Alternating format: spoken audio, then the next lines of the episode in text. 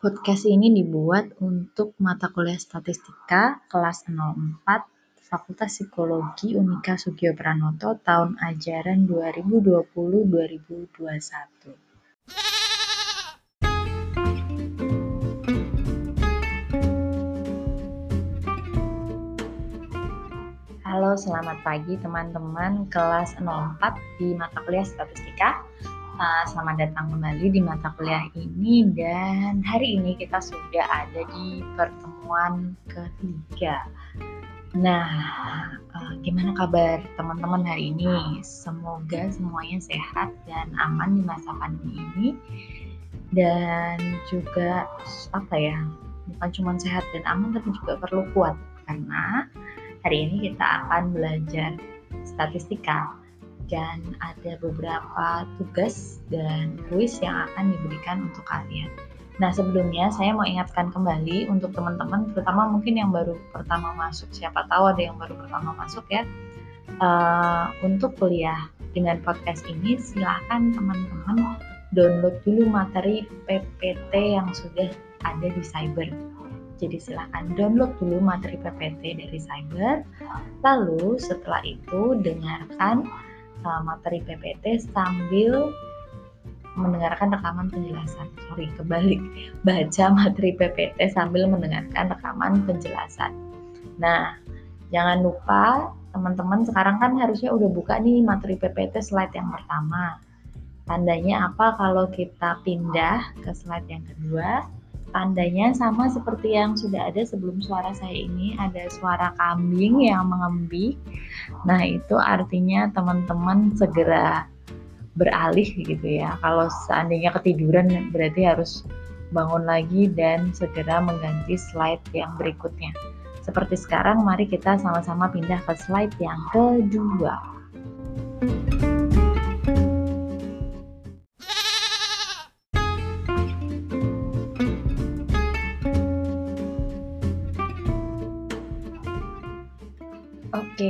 Kita mulai ke slide berikutnya. Tapi tadi saya lupa bilang di depan.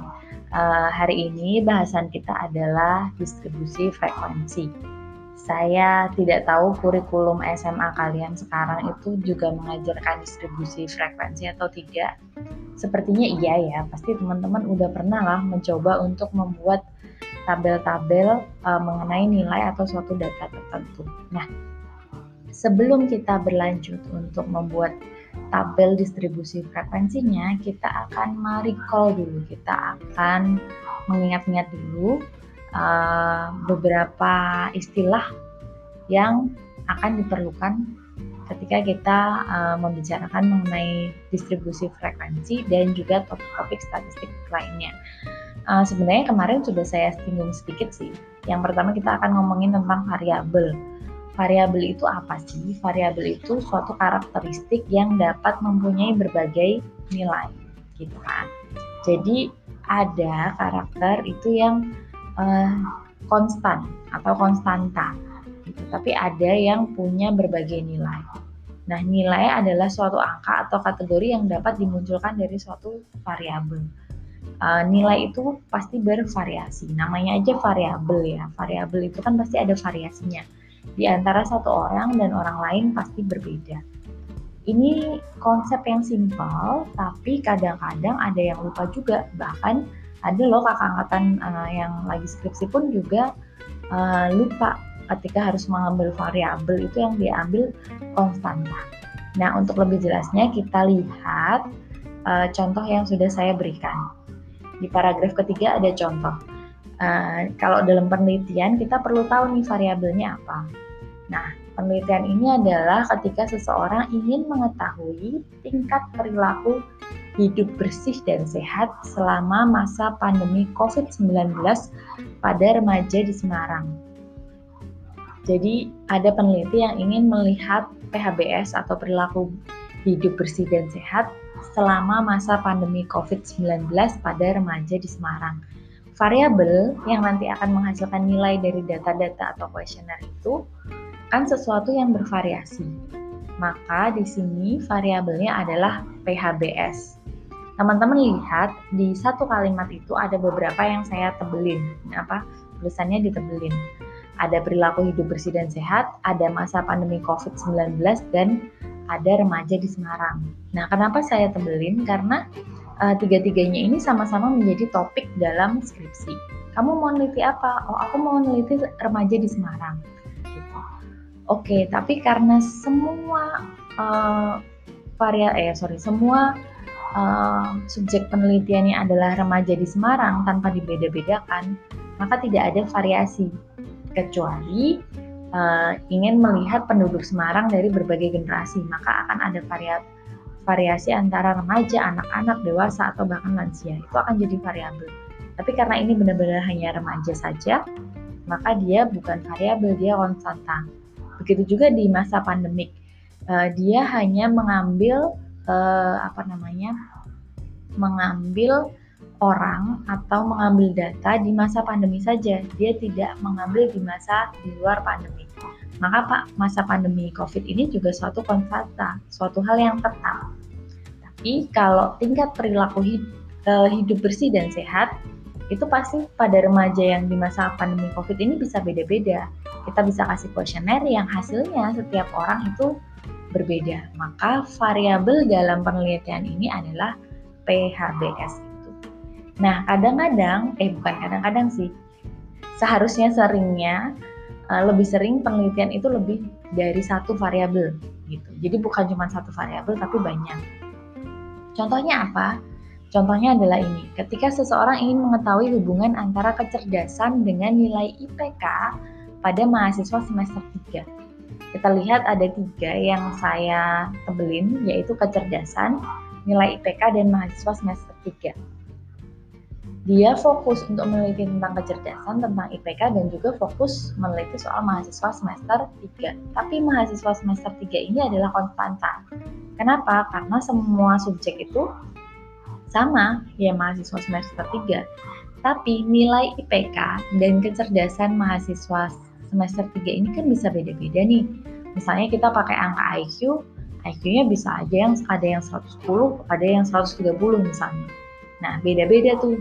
Itu namanya variabel yang itu akan kita cari ketika kita uh, eh sorry, yang nilai dari variabel akan kita cari ketika kita turun ke lapangan mengambil data.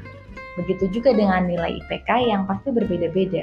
Jadi variabel dalam dalam penelitian ini adalah kecerdasan dan nilai IPK.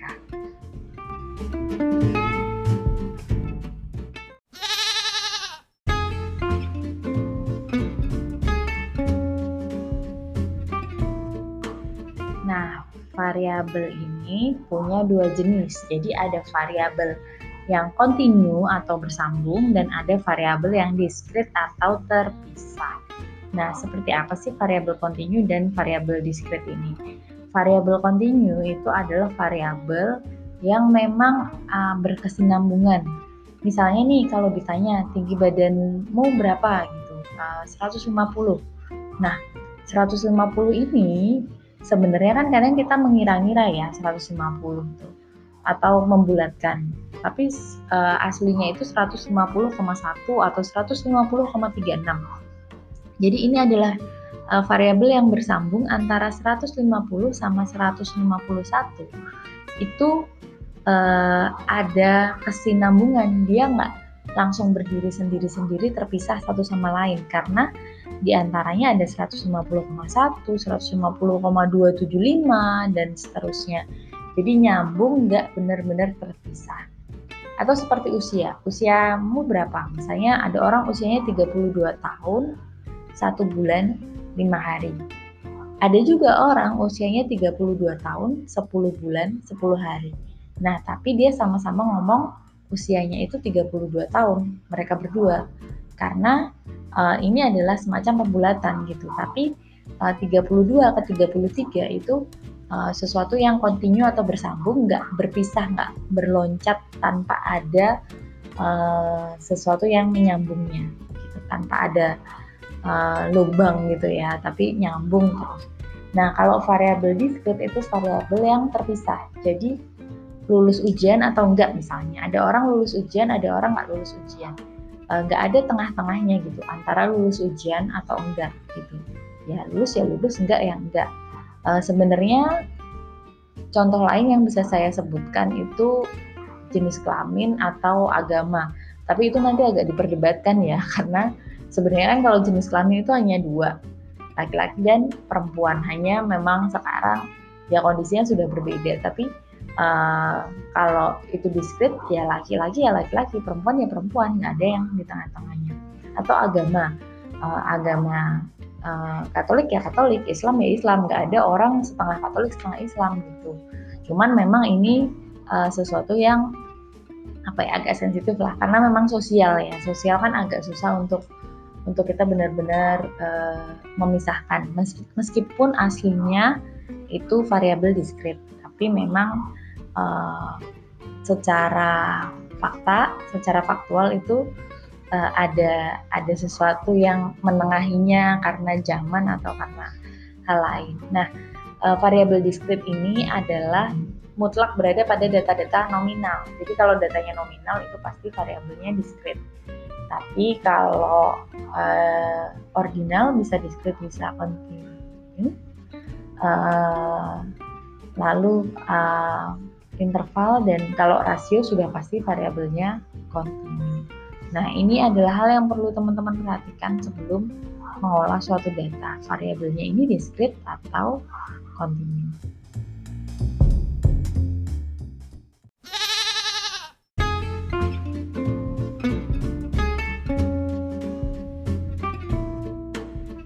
Oke, tadi sedikit review tentang beberapa istilah. Nanti ada review istilah lagi yang lebih banyak. Nah, tapi sekarang kita akan ngomongin dulu soal tabel distribusi frekuensi. Apa itu tabel distribusi frekuensi? Teman-teman yang sudah punya buku, silahkan dilihat di bukunya. Yang dari Pak Sutrisno Hadi itu uh, ada bab sendiri yang nanti soal-soalnya saya ambil dari situ juga uh, itu namanya tabel distribusi frekuensi ada di bab satu. Nah, kalau yang teman-teman pakai bukunya Aaron itu juga ada, itu namanya frekuensi tables ya. Nah, uh, untuk definisi biasanya saya ambil dari bukunya Aaron, tapi contoh-contoh itu saya ambil dari bukunya Sutrisno Hadi. Nah, Uh, kalau kita definisikan sendiri, uh, tabel distribusi frekuensi itu adalah daftar yang urut mengenai angka pada individu yang mempunyai berbagai nilai pada variabel tertentu. Jadi kalau uh, kita sudah punya data, maka kita perlu susun datanya uh, dan kita hitung frekuensi masing-masing data. Nah, data ini tentu perlu urut untuk kita susun. Nah, daftar yang urut ini yang disebut dengan tabel distribusi frekuensi.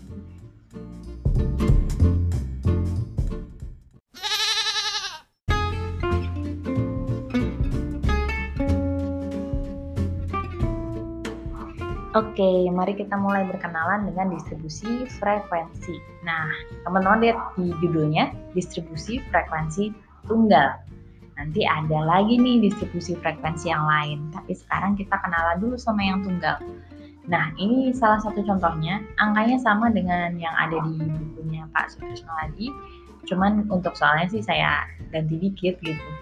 Nah, uh, di sini pura-puranya nih seorang dosen ingin meneliti tingkat kebahagiaan mahasiswa di suatu kelas. Ia menyebarkan kuesioner dengan uh, range score antara 1 sampai 10. Jadi ditanya nih, uh, kebahagiaanmu itu kalau dari skala 1 sampai 10 itu berapa sih? Nah, dari 30 mahasiswa, ia mendapatkan data sebagai berikut. 7, 6, 6, 5, dan seterusnya. Banyak ya datanya. Coba teman-teman lihat dulu uh, data-data ini amati secara baik-baik gitu ya. Kalau saya minta teman-teman untuk menghitung uh, rata-ratanya misalnya, uh, bisa sih kan kemarin udah saya ajarin ya pakai kalkulator gitu langsung kalian masukkan. Tapi bayangkan kalau kalian nggak ada kalkulator yang saintifik kayak kemarin gitu, kalkulator biasa yang mungkin uh, matamu bisa keserimpet gitu ya, bisa salah ketika nambahin satu-satu, atau bahkan kamu harus menghitung secara manual. Kira-kira apa sih yang perlu kamu lakukan? Kalau misalnya kamu mendapatkan data seperti ini. Nah, Uh, makanya dari itu kita butuh yang namanya membuat tabel distribusi frekuensi untuk mempermudah kita dalam mengolah data-data seperti ini agar tidak apa ya tidak jadi rumit gitu ketika kita uh, menyajikan suatu data. Nah data-data uh, ini akan dibuat di suatu tabel yang pertama kita akan coba lihat di tabel distribusi frekuensi tunggal.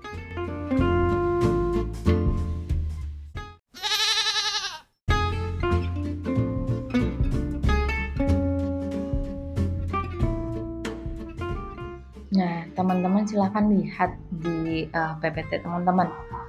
Tadi kan kita udah dapat data yang berjajar seperti itu yang bikin kita pusing ya.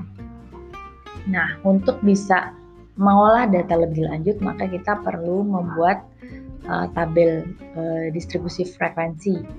Nah, tentunya kita nggak uh, cuman naruh data mindah satu-satu data ke tabel, uh, tadi ada 30 terus kita bikin 30 ke bawah. Ya oke okay sih itu bisa dilakukan ketika teman-teman pakai uh, Excel atau SPSS atau yang menggunakan kalkulator. Tapi kalau teman-teman diminta untuk menghitung secara manual, maka yang akan kita lakukan adalah uh, melihat berdasarkan nilai-nilainya dulu. Kita akan melihat nilai dan frekuensinya. Jadi kayak tadi uh, datanya banyak, kita lihat, oh ternyata datanya itu berisi angka 4, 5, 6, 7, dan 8. Kita hitung dulu nih, angka 8 ada berapa? Nah, kadang-kadang orang suka pakai ini nih, turus. Kalau saya bilang, uh, nggak tahu istilah lainnya apa ya, turus atau jari-jari. Kalau di buku istilahnya jari-jari. Teman-teman mungkin kalau yang pernah lihat uh, pemungutan suara, misalnya pemilu atau pemilihan ketua RT, kan biasanya kita juga tiap buka satu suara kita akan terus coret satu di uh, turusnya sesuai nama orangnya. Nah, kira-kira cara bikinnya mirip sih. Nanti kalau udah diturus, misalnya teman-teman lihat dari datanya terus dicoretin uh, satu-satu, kita hitung frekuensinya ada berapa. Oh, ternyata dari situ kita tahu yang punya nilai 8 ada 4. Yang punya nilai 7 ada 23. Yang punya nilai 6 ada 28 yang punya nilai 5 ada 26 dan ada satu yang punya angka 4 gitu. Nah, itu uh, nanti kalau kita sudah punya seperti ini, ini akan membantu kita untuk melanjutkan ke data-data yang berikutnya. Oke, nah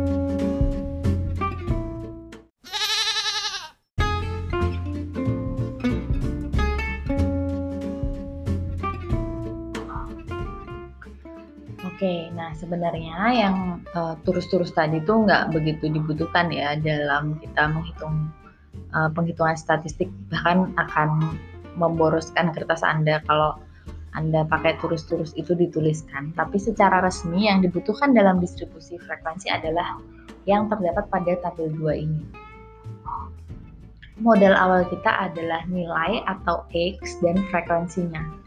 Nanti tabel ini semakin lama akan semakin banyak kolomnya.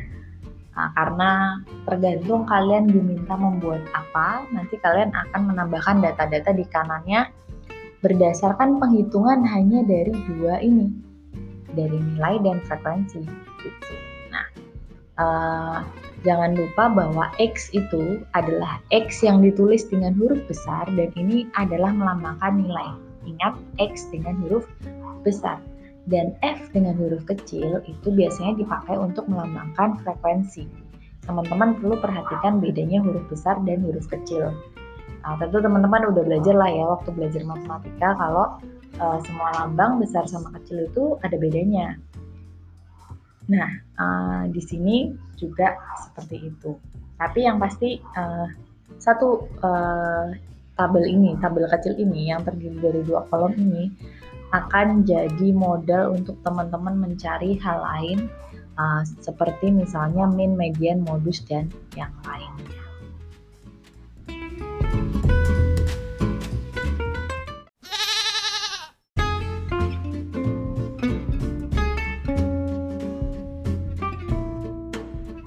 Oke, kita kan sudah ngomongin distribusi frekuensi yang tunggal. Nah, uh, di tabel distribusi frekuensi tunggal itu tidak ada pengelompokan nilai-nilai variabel pada kolom pertama.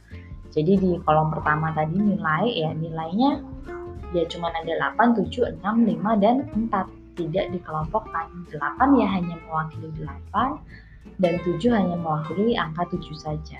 Nah, uh, ada versi lain dari tabel distribusi frekuensi yang lebih sering dipakai justru. Karena kalau kita ngomongin statistika, maka kita nggak akan ngomong data yang cuma sedikit, tapi kita akan ngomongin data yang banyak. Jadi teman-teman perlu belajar uh, yang namanya tabel distribusi frekuensi bergolong. Tabel ini menunjukkan adanya pengelompokan pada kolom nilai. Jadi nilai-nilai itu bukan hanya ditunjukkan nilai aslinya saja, tapi nilai itu akan dikelompokkan karena mungkin uh, nilainya terlalu banyak kalau harus di uh, apa namanya ditunjukkan satu per satu. Nah, ada dua ya yang berbeda. Nanti kalau teman teman-teman melihat suatu contoh soal, tolong diperhatikan itu soal tabel distribusi frekuensi tunggal atau tabel distribusi frekuensi yang bergolong.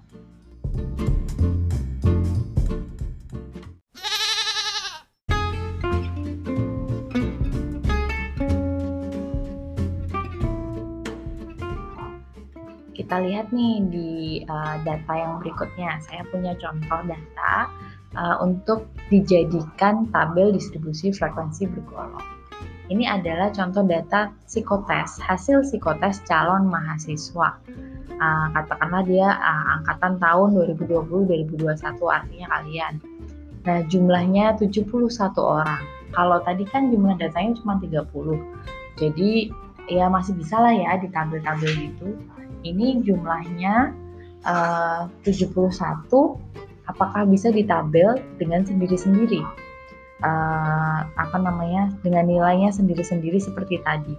Kita lihat lagi nih range nilainya. Jadi jangan cuma lihat jumlahnya. Kalau cuma nilai dari jumlahnya siapa tahu uh, 71 tapi nilainya monoton gitu. Tapi kalau kita lihat saya ada tebelin dua angka uh, angka yang paling tinggi dan angka yang paling rendah. Angka yang paling tinggi di sini adalah angka 23. Lihat ya, dan angka yang ditebelin angka 23.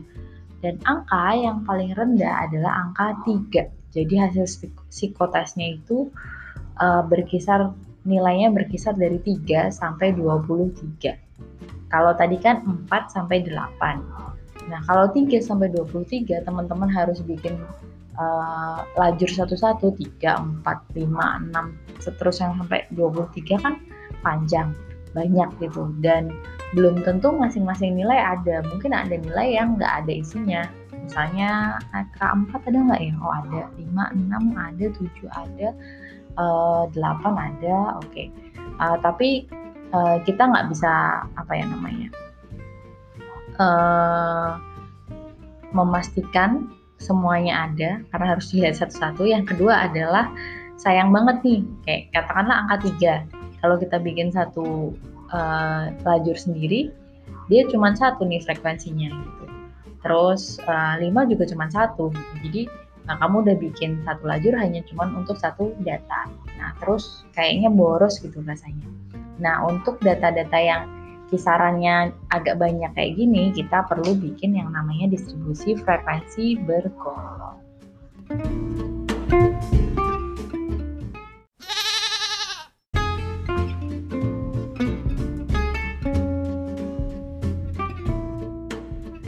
Nah, karena tadi udah lihat datanya, sekarang kita lihat ketika data dengan nilai dari 3 sampai 23 kita bikin tabel distribusi frekuensinya. Nah, ini ada pengelompokan. Nah, teman-teman bisa lihat nih. Misalnya eh, yang pertama itu ada 21 sampai 23, artinya ah, nilai 21, 22 dan 23 akan dimasukkan ke sini. Frekuensinya setelah dihitung ada 6. Berikutnya juga di bawahnya 18 20 eh 18 19 20 itu masuk ke sini dan seterusnya. Nah, kalau di tabel distribusi frekuensi tunggal itu uh, hanya satu nilai uh, dan frekuensinya. Kalau di sini kan nah, nilainya ya bergantung uh, keputusan kita gitu dalam mengelompokkan gitu dan kemudian nanti uh, tidak hanya satu nilai dalam setiap kelompok begitu dan uh, tetap dua uh, kolom ini pada tabel itu adalah uh, model utama yang kita perlukan untuk kita menghitung nanti tendensi sentralnya, min, median, dan modus, dan mungkin kita bisa menghitung uh, uji statistik yang lain hanya dari kedua tabel ini. Nah, berikutnya itu kita perlu mendalami juga nih uh, bahwa kalau di tabel distribusi frekuensi tunggal itu ya teman-teman cuma perlu tahu datanya sama frekuensinya. Tapi kalau di sini di tabel 3 di uh, distribusi bergolong ada banyak yang perlu teman-teman uh, benar-benar paham.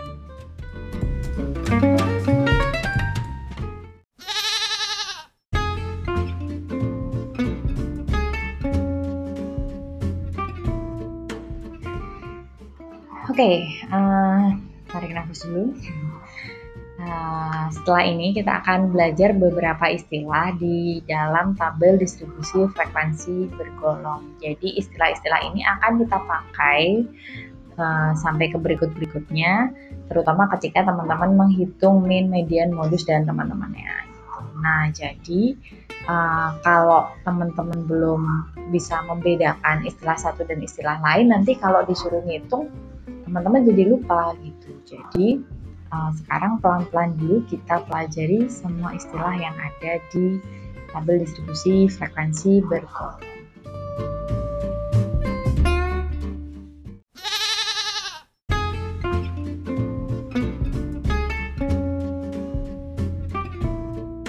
Oke, istilah yang pertama adalah interval kelas. Terdapat tujuh interval dalam tabel 3 atau tabel yang tadi, yang ini nih yang saya tunjukkan lagi. Ada 7 interval kelas. Interval kelas paling atas bernilai 21, 22, dan 23.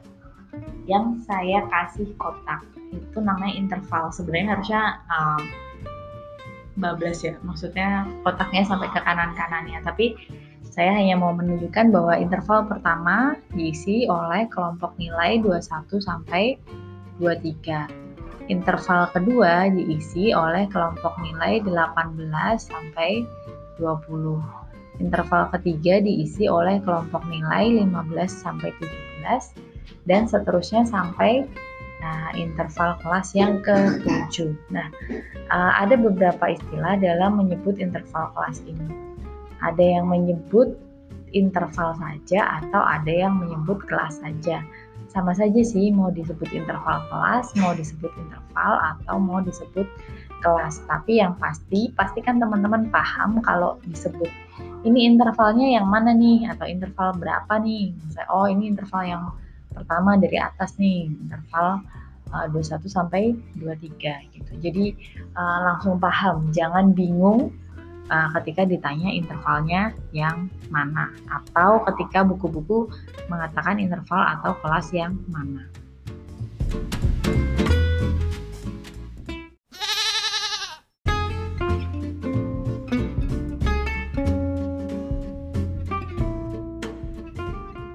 Istilah berikutnya adalah batas kelas. Lihat uh, bagian yang saya beri lingkaran uh, di angka 21 dan 23 nilai yang membatasi kelas uh, yang satu dari kelas yang lainnya. Jadi batas kelas itu adalah nilai yang membatasi kelas yang satu dari kelas yang lainnya.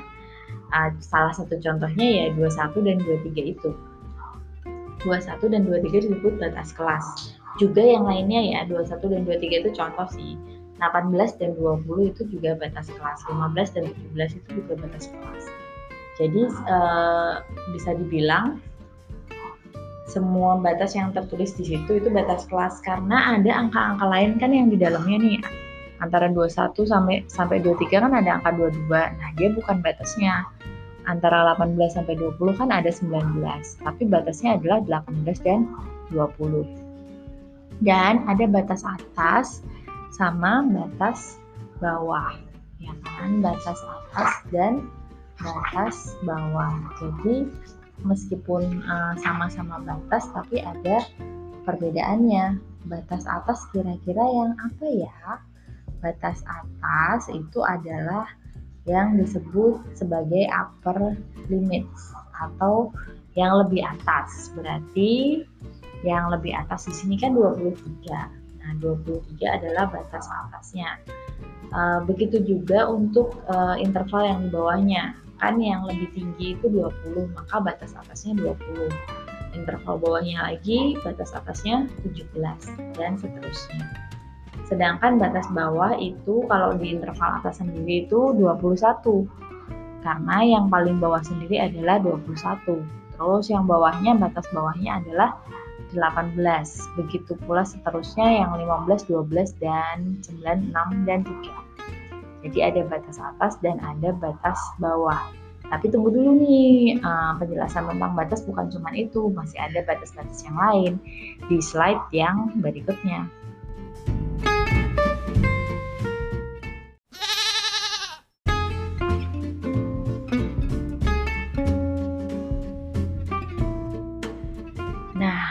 Batas ini ternyata ada batas yang nyata dan ada batas yang semu. Apa itu batas nyata dan apa itu batas semu? Uh, ketika teman-teman melihat kelompok nilai ini, tadi kan sudah saya bilang ya, uh, 21, 23 itu batasnya, 23 batas atas, 21 batas bawah. Tapi ini adalah batas yang semu, terutama, nih diingat-ingat, ketika variabelnya kontinu kalau variabelnya diskrit, oke okay lah itu adalah batasnya. Tapi kalau variabelnya kontinu, nah uh, ini adalah yang di, dikatakan sebagai batas semu. Kenapa? Coba teman-teman ingat. Kalau misalnya tadi kita ngomongin variabelnya kontinu, berarti kan kalau itu angka 16 katakanlah begitu. Misalnya ini suatu umur. Nah, 16 itu kan berarti uh, bisa aja 16 tahun uh, 10 bulan satu hari atau bisa juga 16 tahun dua bulan lima hari begitu. Nah artinya ada uh, angka-angka uh, yang berkelanjutan di situ. Nah oleh karena itu nggak mungkin kalau uh, batasnya itu misalnya ini 21 ya tepat di angka 21 gitu. Uh, tetapi uh, batasnya nyatanya itu tidak di angka 21. Uh, batas semu ini adalah uh, didefinisikan sebagai batas-batas kelas yang mengandung lubang-lubang di antara kelas yang satu dengan kelas yang lainnya. Itu disebut batas semu. Uh, saya lupa ada nama uh, hewan pengerat apa ya yang dia yang tinggal di hutan di bawah dan dia bikin lubang-lubang buat rumahnya. Ya kan? Nah, itu itu bisa untuk data diskrit atau batas semu. Karena apa? Uh, karena data kita bentuknya nggak kayak gitu. Tapi kalau di hewan pengerat itu entah itu apa sih uh, berang-berang atau rubah kecil atau tupai saya nggak tahu yang tinggal di bawah itu kan uh, lubang rumahnya antara satu dan yang lainnya itu kan nggak mepet kan tapi ada sedikit sela-sela gitu kan. Nah, itu berarti batasnya batas yang semu. Kalau kita mau ngomongin batas yang nyata, maka kita berandai-andai itu rumah, batas rumah itu batas rumah manusia. Uh, di mana batas misalnya kamu kan ada rumah nih, terus uh, kamu punya tetangga sebelah kiri. Nah, batasmu sebelah kiri dengan tetanggamu itu adalah batas kanannya si tetanggamu ini gitu. Jadi ada satu batas yang dibagi berdua dan memang kita bertemu gitu. Ada satu titik di mana saling bertemu ada satu garis yang saling bertemu. Kalau di batasnya semu tadi nggak ada nggak ada ketemu nih garisnya gitu. Tapi kalau batasnya nyata ada uh, bagian yang bertemu. Nah kalau teman-teman lihat di kelompok nilai ini uh, eh, 18 dan 20 lalu di atasnya 21 dan 23 ya kan? Seperti itu 20 dan 21-nya nggak ketemu.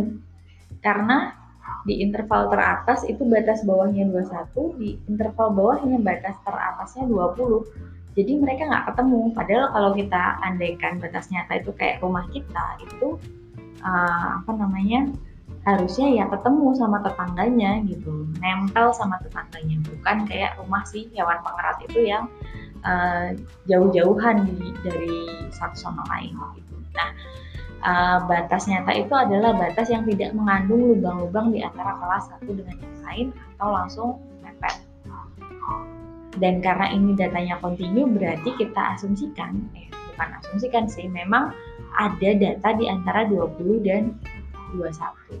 Makanya nanti yang disebut batas nyata adalah uh, angka yang berada tepat di tengah-tengah dua kelompok nilai.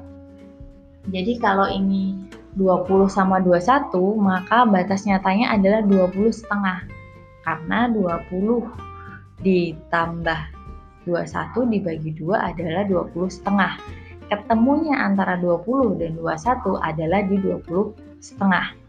Begitu juga ketemunya 18 dan 17 adalah di 17 setengah. Ketemunya 14 dan 15 adalah di 14 setengah. Bisa dipahami ya di sini ya. Nah, batas bawah bagi interval yang atas sendiri, yang 21, 23 itu, adalah batas atas bagi interval yang lain.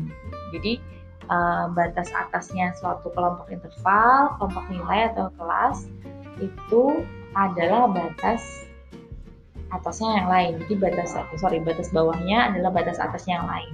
Terus uh, batas sebelahnya dia, batas bawahnya dia juga batas atasnya data yang lainnya juga gitu. Sama kayak ya kita bayangin rumah-rumah berpetak-petak itu. Batas sebelah kiri kita uh, adalah batas sebelah kanan rumah sebelah dan batas sebelah kanan kita adalah batas sebelah kiri rumah sebelah kalau ada belakang, rumah belakangmu berarti batas belakang rumah kita adalah batas depan rumah sebelah. Semoga cukup bisa dipahami ya. Kalau misalnya teman-teman masih bingung, coba diulang sekali lagi mendengarkan penjelasan ini. Boleh sambil dicoret-coret dan sambil di uh, apa namanya dilihat datanya. Tapi kalau sudah jelas ya syukurlah kalau sudah jelas kita lanjut ke slide yang berikutnya.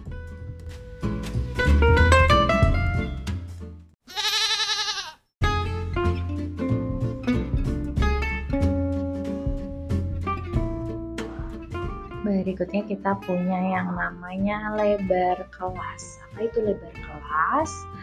Lebar kelas adalah banyaknya isi nilai variabel dalam tiap-tiap kelas. Jadi tiap-tiap kelas itu kan punya nah, nilai variabel. Nah, isinya tuh ada berapa sih dalam tiap-tiap kelas? Misalnya kita lihat nih interval paling atas mempunyai lebar kelas 3. Sebenarnya yang lainnya juga punya kelas 3, tapi contohnya ini karena dia mengandung nilai 21, 22, dan 23. Nah, teman-teman bisa pahami ya, meskipun yang disebut, eh sorry, yang ditulis hanya 21 dan 23, karena batasnya hanya 21 dan 23, tapi aslinya, senyatanya, isinya itu kan ada 3, 21, 22, dan 23, maka lebar kelasnya adalah 3 rumus lebar kelas kalau kalau ini kan tiga gampang ya tapi siapa tahu nanti kalian ada yang isinya banyak 7, 11 atau bahkan 20-an nah kita perlu tahu nih rumus lebar kelas. Rumus lebar kelas adalah batas atas nyata dikurangi batas bawah nyata. Jadi kalau batas atasnya nyatanya 23 setengah dan batas bawah nyatanya 20 setengah seperti pada interval yang pertama, maka 23 setengah dikurangi 20 setengah ada 3 lebar kelasnya. Cukup bisa dipahami ya, jadi uh, eh, 23 setengah dikurangi 20 setengah itu jadinya 3 karena cara menghitungnya adalah dari batas atas nyata dikurangi batas bawah nyata. Batas atas dan batas bawahnya tak apa? Ayo. Nah jangan sampai udah lupa ya di slide ini. Silahkan kalau masih kebingungan kembali sebentar ke slide yang berikutnya. Tapi nah, intinya lebar kelas itu adalah pengurangan dari batas atas nyata dan batas bawah nyata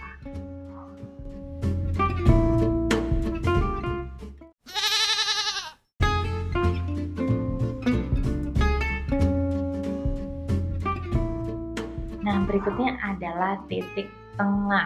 Titik tengah dari suatu kelas ya, bukan titik tengah dari keseluruhan data. Titik tengah adalah angka atau nilai variabel yang terdapat di tengah-tengah interval kelas. Sekali lagi di tengah-tengah interval kelas. Jadi bukan uh, di di tengah keseluruhan nilai, tapi hanya di uh, tengah-tengah kelas. Uh, di contoh sih gampang banget untuk nyari titik tengahnya karena kan uh, ini hanya tiga itu jadi 21, 22, 23 nih uh, nilainya jadi ya udah jelas lah titik tengahnya 22 Nah, kalau luas kelasnya genap, maka titik tengah adalah separuh dari jumlah angka-angka tengah. Jadi, uh, misalnya kita punya data 20, 21, 22, dan 23. Jadi dalam satu kelas isinya adalah angka 20, 21, 22, dan 23.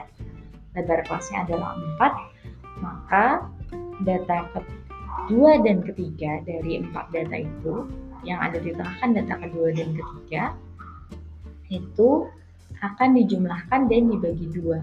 Dalam kasus ini adalah setengah dari penjumlahan 21 tambah 22 yaitu 21 setengah. Jadi kalau angkanya genap ya kita harus cari benar-benar tengahnya sama kayak tadi nyari batas atas dan batas bawah yang nyata. Itu kita harus cari uh, setengahnya. Nah, titik tengah ini juga disebut dengan tanda kelas. Jadi jangan bingung kalau ada istilah titik tengah, tapi ada juga istilah tanda kelas. Ya intinya sama aja, ya tetap titik tengah itu.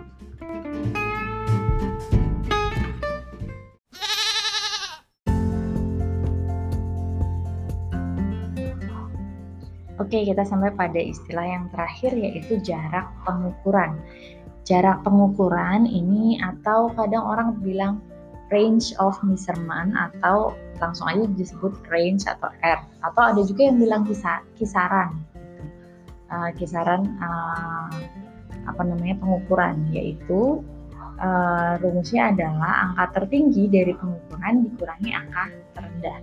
Teman-teman ingat uh, data ini ketika tadi masih data utuh yang apa namanya yang belum dibikin tabel kayak gini Nah, saya kan menandai angka 23 dan angka 3 karena 23 itu angka tertinggi dan angka 3 itu angka terendah. Nah, jarak pengukuran adalah 23 atau angka tertinggi dikurangi angka terendah atau dalam data ini adalah angka 3. Artinya jarak pengukurannya adalah 20. Jadi ingat ya, R ini teman-teman bisa hitung bahkan sebelum teman-teman membuat uh, pengelompokan. Jadi teman-teman uh, bisa lihat langsung di data uh, dengan mengurangkan uh, angka yang tertinggi dan angka yang paling rendah.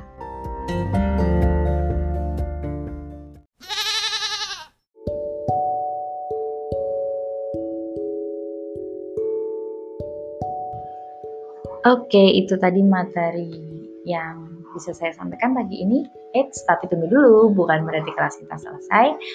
Nah, setelah ini teman-teman ada kuis, lalu setelah kuis ada sedikit materi lagi yang kemudian teman-teman bisa dengarkan dan uh, baru ada latihan. Jadi hari ini materi, kuis, materi lagi, latihan. Bedanya kuis sama latihan apa? Kalau kuis nanti uh, Anda kerjakan sendiri kayak biasanya lah dapat nilainya sendiri. Yang latihan nanti saya sedang coba-coba uh, latihan Anda akan dikoreksi oleh teman Anda yang lain. Tapi nanti deh saya kasih tahu sekarang setelah ini silahkan teman-teman ke kuis dulu dan kalau sudah selesai kuis ke materi yang kedua. Oke, terima kasih. Selamat melanjutkan.